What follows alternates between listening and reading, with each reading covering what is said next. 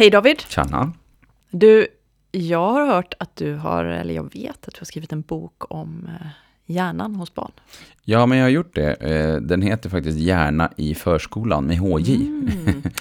Och eh, så att den eh, har ju det fokuset på förskolebarn och hjärnan. Mm. Men eh, Och det här var kan jag spännande. jättelite om. Mm. Jag skulle vilja lära mig mer. Ja, Kan du ge mig en eh, kraschkurs här nu på ja, visst.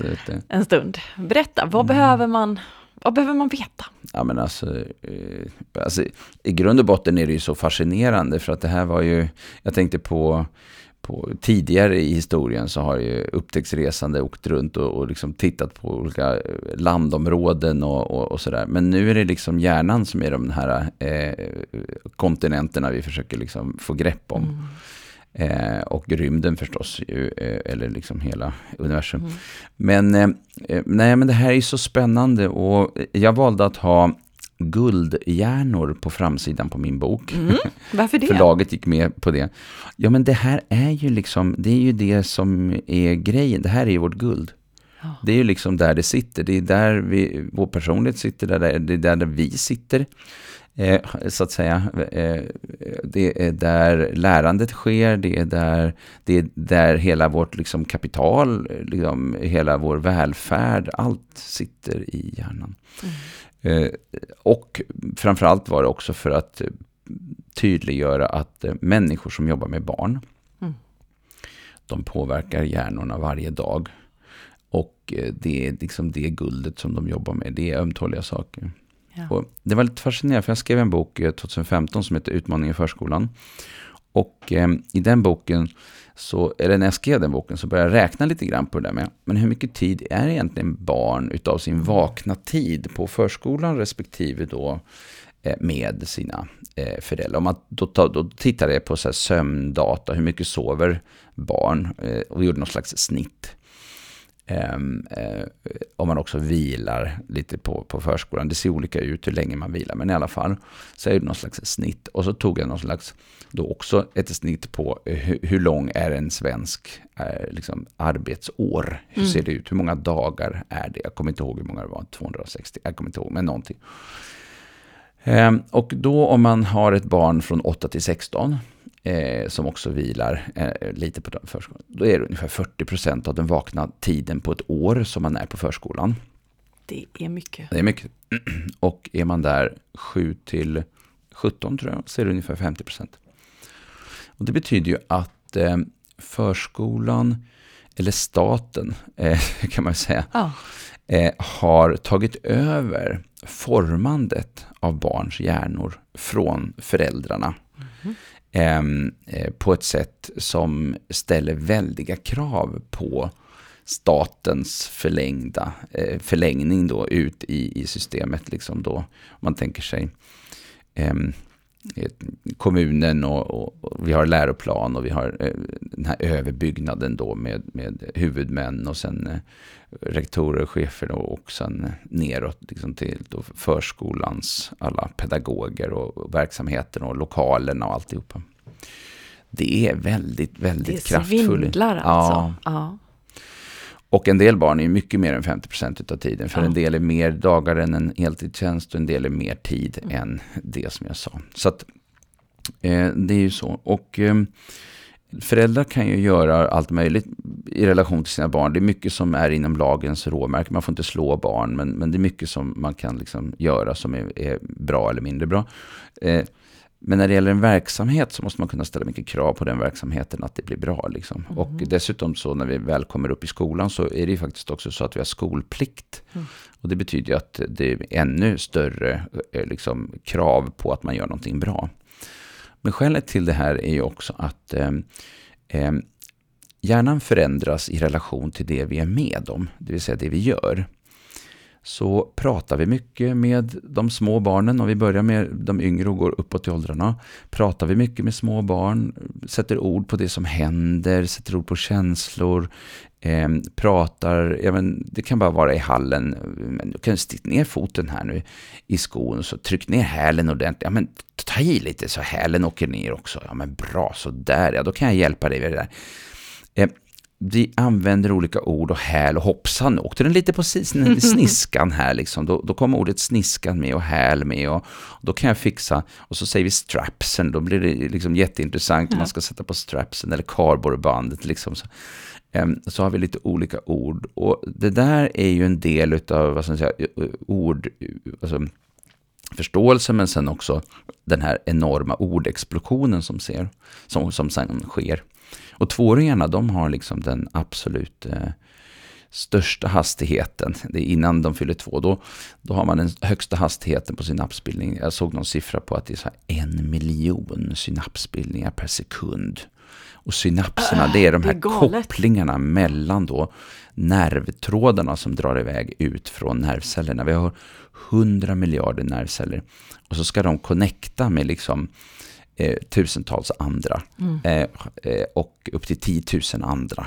Eh, och eh, de här små trådarna som då skickas iväg från nervcellerna ut, axon och sen dendriter som det heter, som connectar med andra. Eh, när de connectar och möts, då kallas det ju, det där mötet är en synaps, det är ju kemi där i det där mötet.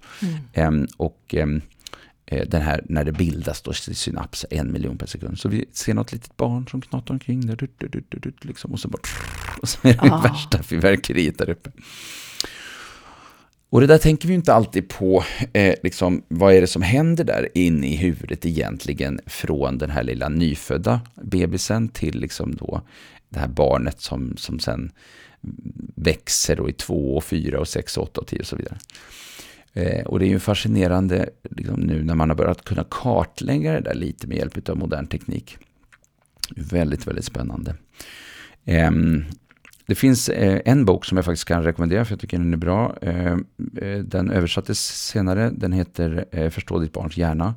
Skriven av två amerikaner. De har en kul bild där som jag har lånat också till min bok. Eh, som de kallar liksom, Hjärnhuset det är att om man ser hjärnan som ett tvåvåningshus mm. så kan man säga att i bottenvåningen där har vi liksom eh, köket, badrummet och sovrummet. Det vill säga allt det här som styr sömn, vakenhet, törst, behov av att gå på, liksom, tömma blåsan, alltså allt det här med och, och, och stressen och eh, trygghet, liksom, mm. de här aspekterna som är, som är liksom, eh, alarmsystemet finns mm. där i bottenvåningen. Alla instinkter. Eh, ja, de här instinkterna, det här som vi liksom har med oss från liksom, reptilhjärnan pratar man om ibland ja. och sen känslohjärnan och sådär.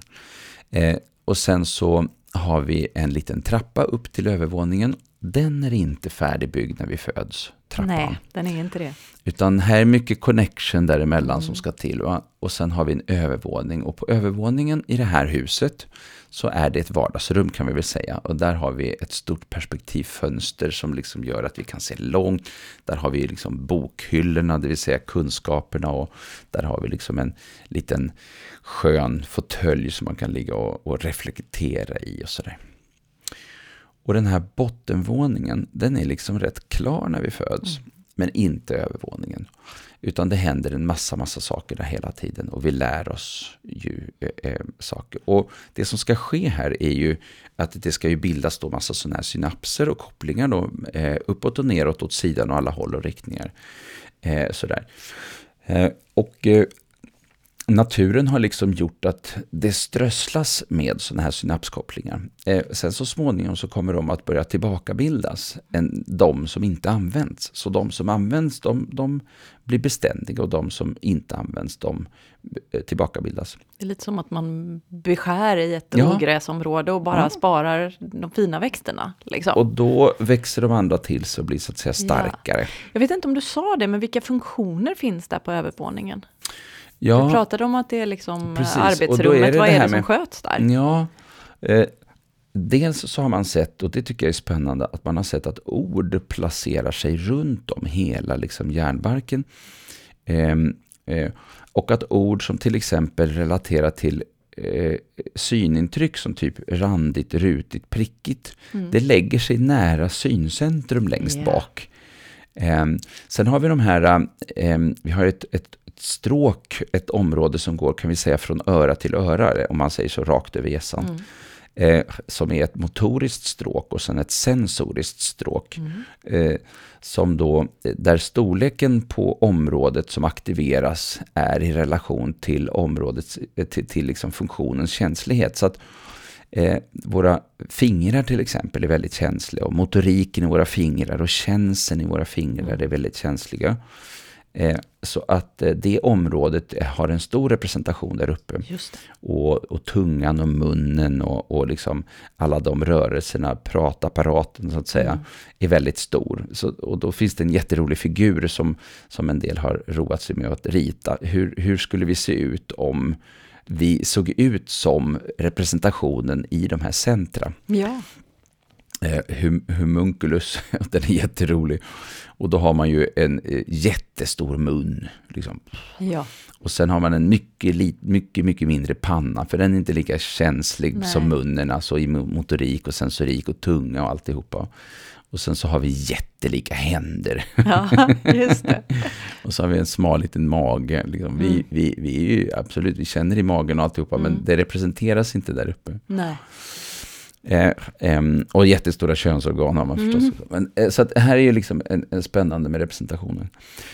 Men eh, jag har funderat lite också på en sak som jag tycker är ganska spännande. Och det är att när vi pratar med barn, till exempel, om kroppen, mm. så eh, pratar vi om eh, hjärtat. Och barn vet vad hjärtat är. Och vi pratar om magen och lungorna som drar in luft. Mm.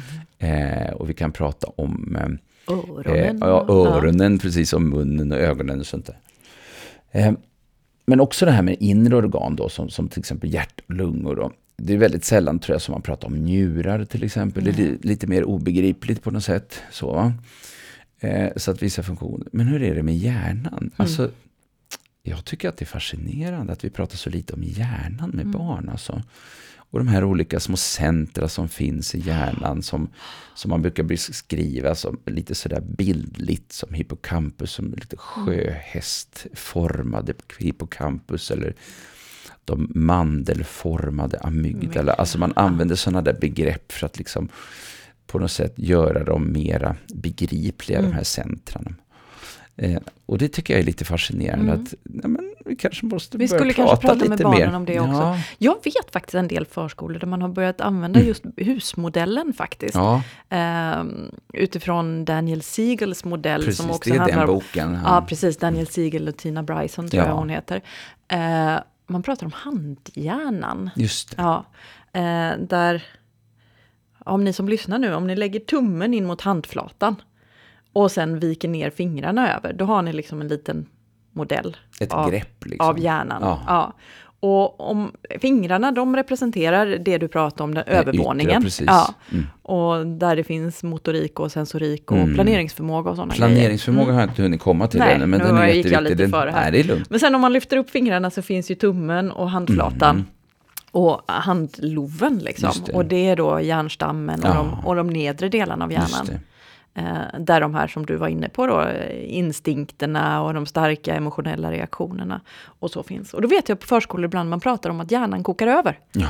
Eh, och då är det ju just den här förbindelsen mellan övervåningen och undervåningen som slutar fungera. Och då kan barn säga så här, oj nu kokade min hjärna över. Ja. För att då kan barnet säga det som att, ah, nu tog mina känslor över och jag slutade ja. tänka. Mm.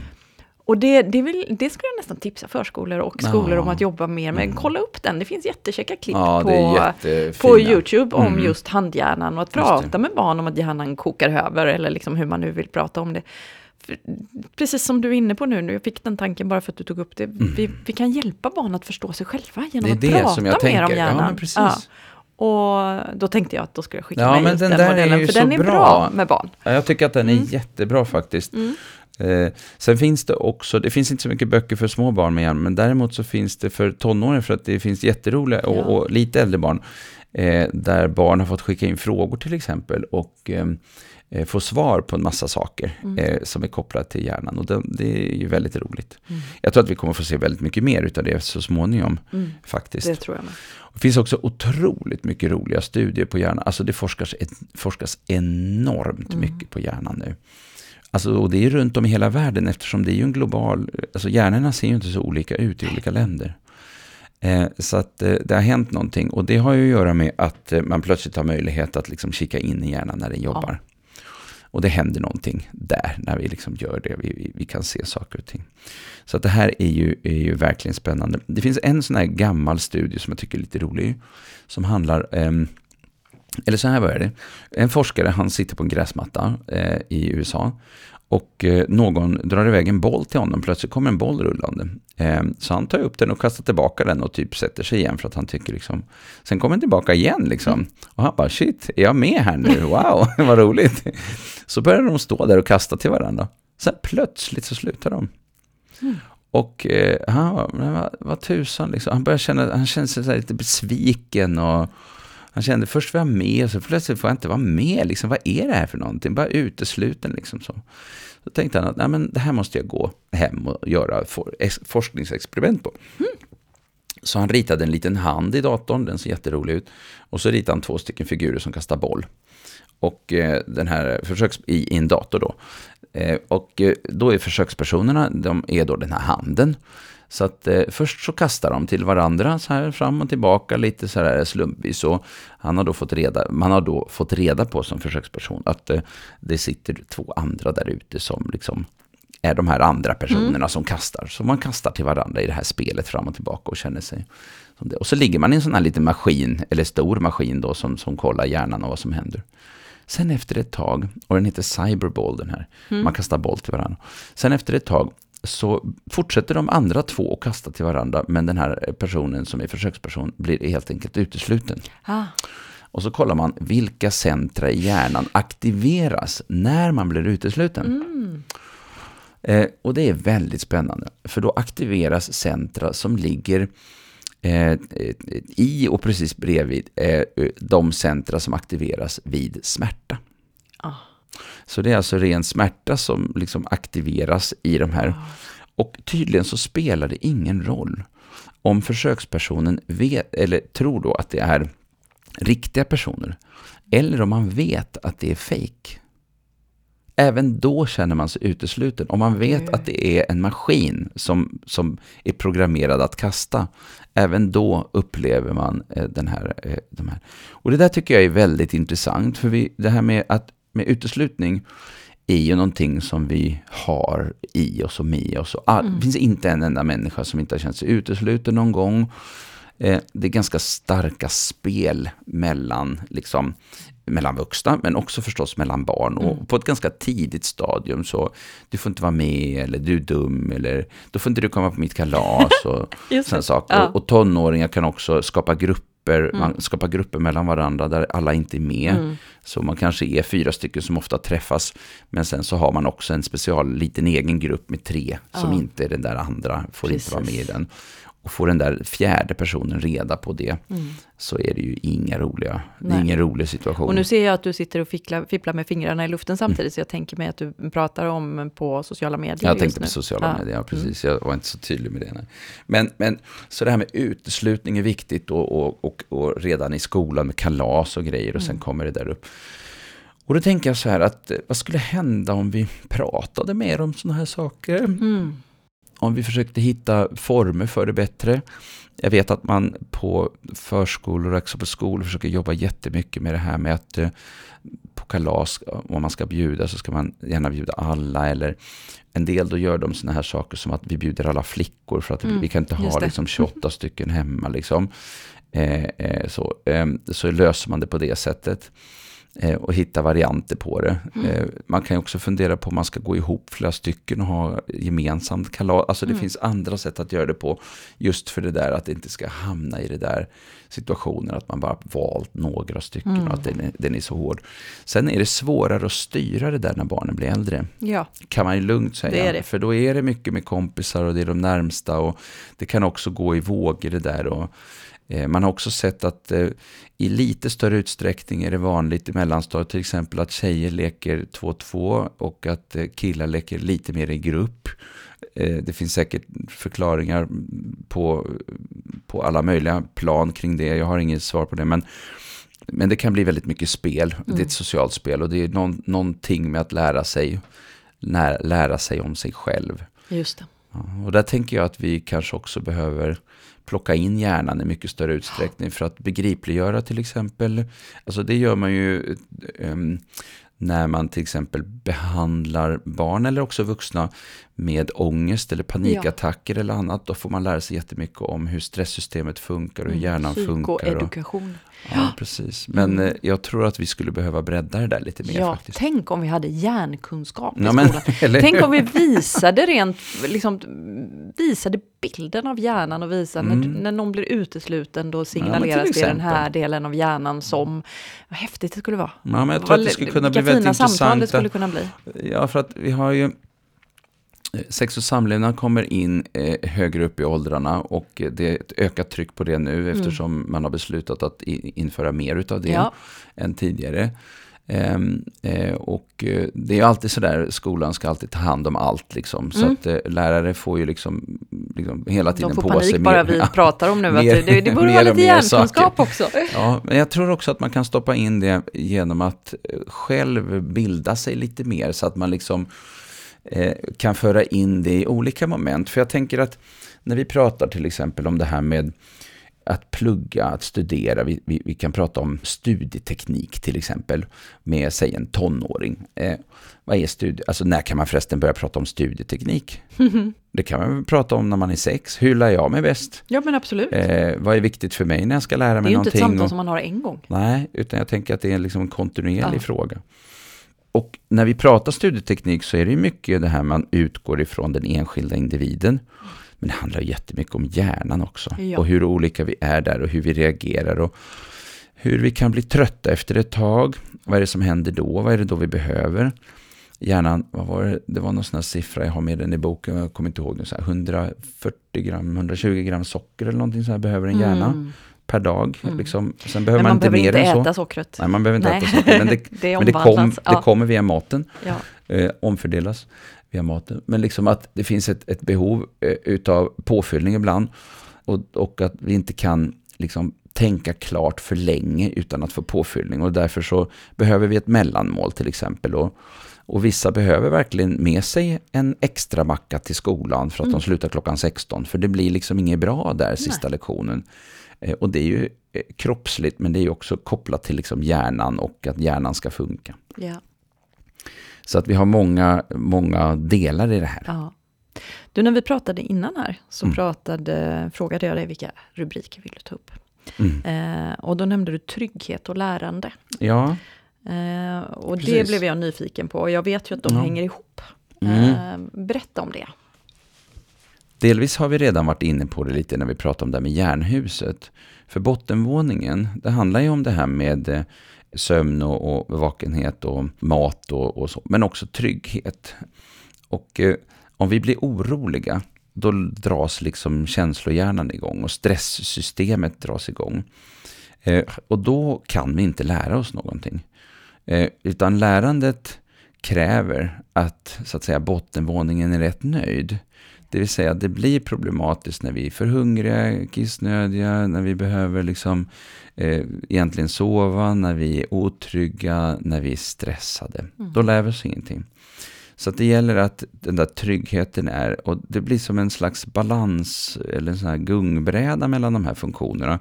Att det är väldigt mycket aktivitet på eh, bottenvåningen eh, då blir det väldigt lite aktivitet på övervåningen. Eh, och tvärtom då, att eh, ska vi få till ett lärande, då får vi se till att det är lugn och ro på bottenvåningen. Just eh, sen är det en annan sak med den där övervåningen, du var inne på det där med planering, och det är ju mm. att när man tittar på hur hjärnan mognar, så mognar den liksom, vad ska man säga, nerifrån, bakifrån och uppåt, mm. framåt, det vill säga frontalloben, alltså pannan och, och, de funktioner som sitter där, det handlar väldigt mycket om, själv, om styrning och självstyrning och det som man på hjärnspråk kallar då exekutiva funktioner. Och ehm, eh, de här funktionerna, det handlar om sånt här som att organisera, planera, prioritera, kunna hämma impulser och lockelsen att göra sånt som inte hör till. Och, eh, att ha en känsla för tiden, komma ihåg olika saker. Och, det vill säga någonting med det här med att ha ett mål i fokus och ha ögonen på sig själv. Var är jag i relation till målet? Och nu pratar jag inte om liksom, när jag blir stor ska jag bli, utan sådana här enkla saker som ska vi till tandläkaren klockan 15.40 en torsdag eftermiddag så måste vi göra en plan. Mm. Okej, okay, 15.40, då kan jag ta 03-bussen. Ja, men det blir bra. Då, då packar jag ihop kvart i. Mm. Och så gäller det att man håller sig till det där, att man börjar liksom, ja men nu är det snart kvart i, då ska jag börja packa ihop och sådär. Eh, och så rör vi oss långsamt i riktning mot målet att vara på tan till tandläkaren där i tid. Och det här har vi ju hela tiden. I skolan så har vi massa sådana här olika, eh, vi har prov och vi har inlämningar och, och, och, man ska ha läst på någonting innan en viss tidpunkt och man ska ha kläder med sig till eh, idrotten och det är hela tiden olika saker. Och den styrningen är faktiskt inte, alltså hjärnans frontala delar, de är inte klara förrän någonstans, någonstans, någonstans mellan 25 och 30 års ålder. Mm -hmm. Så då är hjärnan klar i sin mognad. Ja. Och det där tycker jag är lite spännande, för det betyder ju att om vi ställer för höga krav på självstyrning för tidigt, mm. då kommer vi få problem. Och vissa barn klarar, alltså vi har ju en ganska stor variation där tänker jag också i, i utvecklingen. Vissa barn är väldigt bra på att driva sig själv mot mål och, mm. och kommer ihåg att ta med sig saker och vad man hade med sig för saker när man gick iväg, att man kommer ihåg att titta bakom efter sig när man lämnar en lokal. Har jag med mig allting nu? Och eh, skriver upp och har koll på vad man ska göra och prov och läxor och allting finns liksom tydligt. Och andra behöver otroligt mycket stöd i detta. Mm. Eh, och där funderar jag på att man kanske har rört sig i en riktning där vi faktiskt ställer högre och högre krav på självstyrning. För det gör vi idag i skolan. Mm -hmm. eh, men att vi kanske inte har kompenserat för dem, den variation som finns inom elevgruppen om man säger så. Nej. Och att vi föräldrar också dras in i det där med att ja, men nu är du ändå 12 år, då ska du väl ändå baske med kunna liksom fixa ditt, mm. ditt och datten. Och så hamnar vi i fantasier om att när barnet inte gör det så är det för att barnet inte bryr sig eller inte Just vill. Inte ja. vill va. Eh, och det här tänker jag är en viktig fråga också när vi pratar om det här med förståelsen utav variation och eh, eh och att sätta sig in mer i lite grann hur hjärnan funkar. Det, ja. det är ju spännande att, eh, att förstå mer kring den. Mm. Och till exempel händer det jättemycket vid 12 års ålder. Alltså, någonstans där. Va? Eh, vi vet också att flickor mognar tidigare när det gäller vissa funktioner. Mm. Eh, bland annat självstyrningsfunktioner. Kanske man tänker att det kan ha att göra med att eh, jag menar man kan eh, bli med barn när man är typ 11, 12, 13, 14 år. Eh, det betyder att eh, man kan hamna i en situation där man måste ta hand om någon annan. Då måste man vara ganska självstyrande. Alltså har det historiskt sett varit viktigt för mm. att flickor är liksom, eh, organiserade på ett annat sätt. Ja. Och pojkar behöver inte vara det lika länge. Eh, så det kan finnas vissa skillnader där mm. som det finns en del kunskap om idag och som man tänker. Men, men men det är inte det som gör all skillnad, utan, utan skillnaden mellan individer är också gigantisk. Mm. Att, eh, mm. Och i grund och botten brukar man ju faktiskt säga att det är inte så stora skillnader mellan pojkar och flickor som det är mellan individer. Alltså individuella Nej. skillnader är alltid mycket, mycket, det övertrumfar hela tiden jämfört med pojkar och flickor. Samtidigt som det finns viktiga variabler att ta ställning till som också handlar om, om skillnader. Som, som där det också Eh, det kan finnas vissa skillnader när det gäller hjärnans konstruktion, men, men där det, den stora skillnaden kanske handlar om hur vi förhåller oss till, mm. Till flickor och pojkar olika. Redan på skötbordet faktiskt, mm, faktiskt. Eh, har vi sett i studier. Ja. Så det här är ju verkligen intressant. Ja, så det är lite, lite bara mycket... brief sådär. Ja. Men det är ju ett, så himla intressant att uh, sätta sig in i det. Och jag tänker att när man har barn så tänker jag att det också är fascinerande. Nu finns det ju ett allt större och ökat intresse för hur hjärnan funkar och så. Eh, men eh, just det här med de här lite mer populärvetenskapligt skrivna böckerna, som var också min ambition att skriva en bok som inte var krånglig. Mm. Det finns många böcker idag skrivna om hjärnan, men, men eh, det gäller att man kan ta till sig av dem. Och flera mm. av dem finns också inlästa ifall man hellre mm lyssnar. Och jag det. tänker att det du har pratat om nu har verkligen ökat aptiten på att lära sig mer och förstå mer. Mm. Um, vad sa du att din bok hette, David? Ja, Hjärna med HJ mm. i förskolan. Ja. Så det är ganska lätt egentligen. Eh, och grunden till det är ju att eh, jag hade också en tanke om att om vi har med oss hjärnan så vill vi gärna vara i förskolan. Ja. Eh, det vill säga att eh, om vi eh, förstår oss på barn, men också hur vi själva funkar, mm. Så, eh, så att säga, och, och, och, hur man som vuxen eller pedagog då funkar, och hur man liksom får till, då, då kan man liksom skapa en bra verksamhet. Mm. Så lite. Så ska vi avsluta med att tipsa om och läsa din bok och sen ja. så finns det säkert ytterligare lästips till den. Kan det vara så? Eh, ja, absolut, det finns hur mycket som helst om man tittar och, och, man kan ju söka på det på också på de här Storytel, Spotify, nej, ja, på alla de här ställena där det finns böcker, inte Spotify, men Storytel.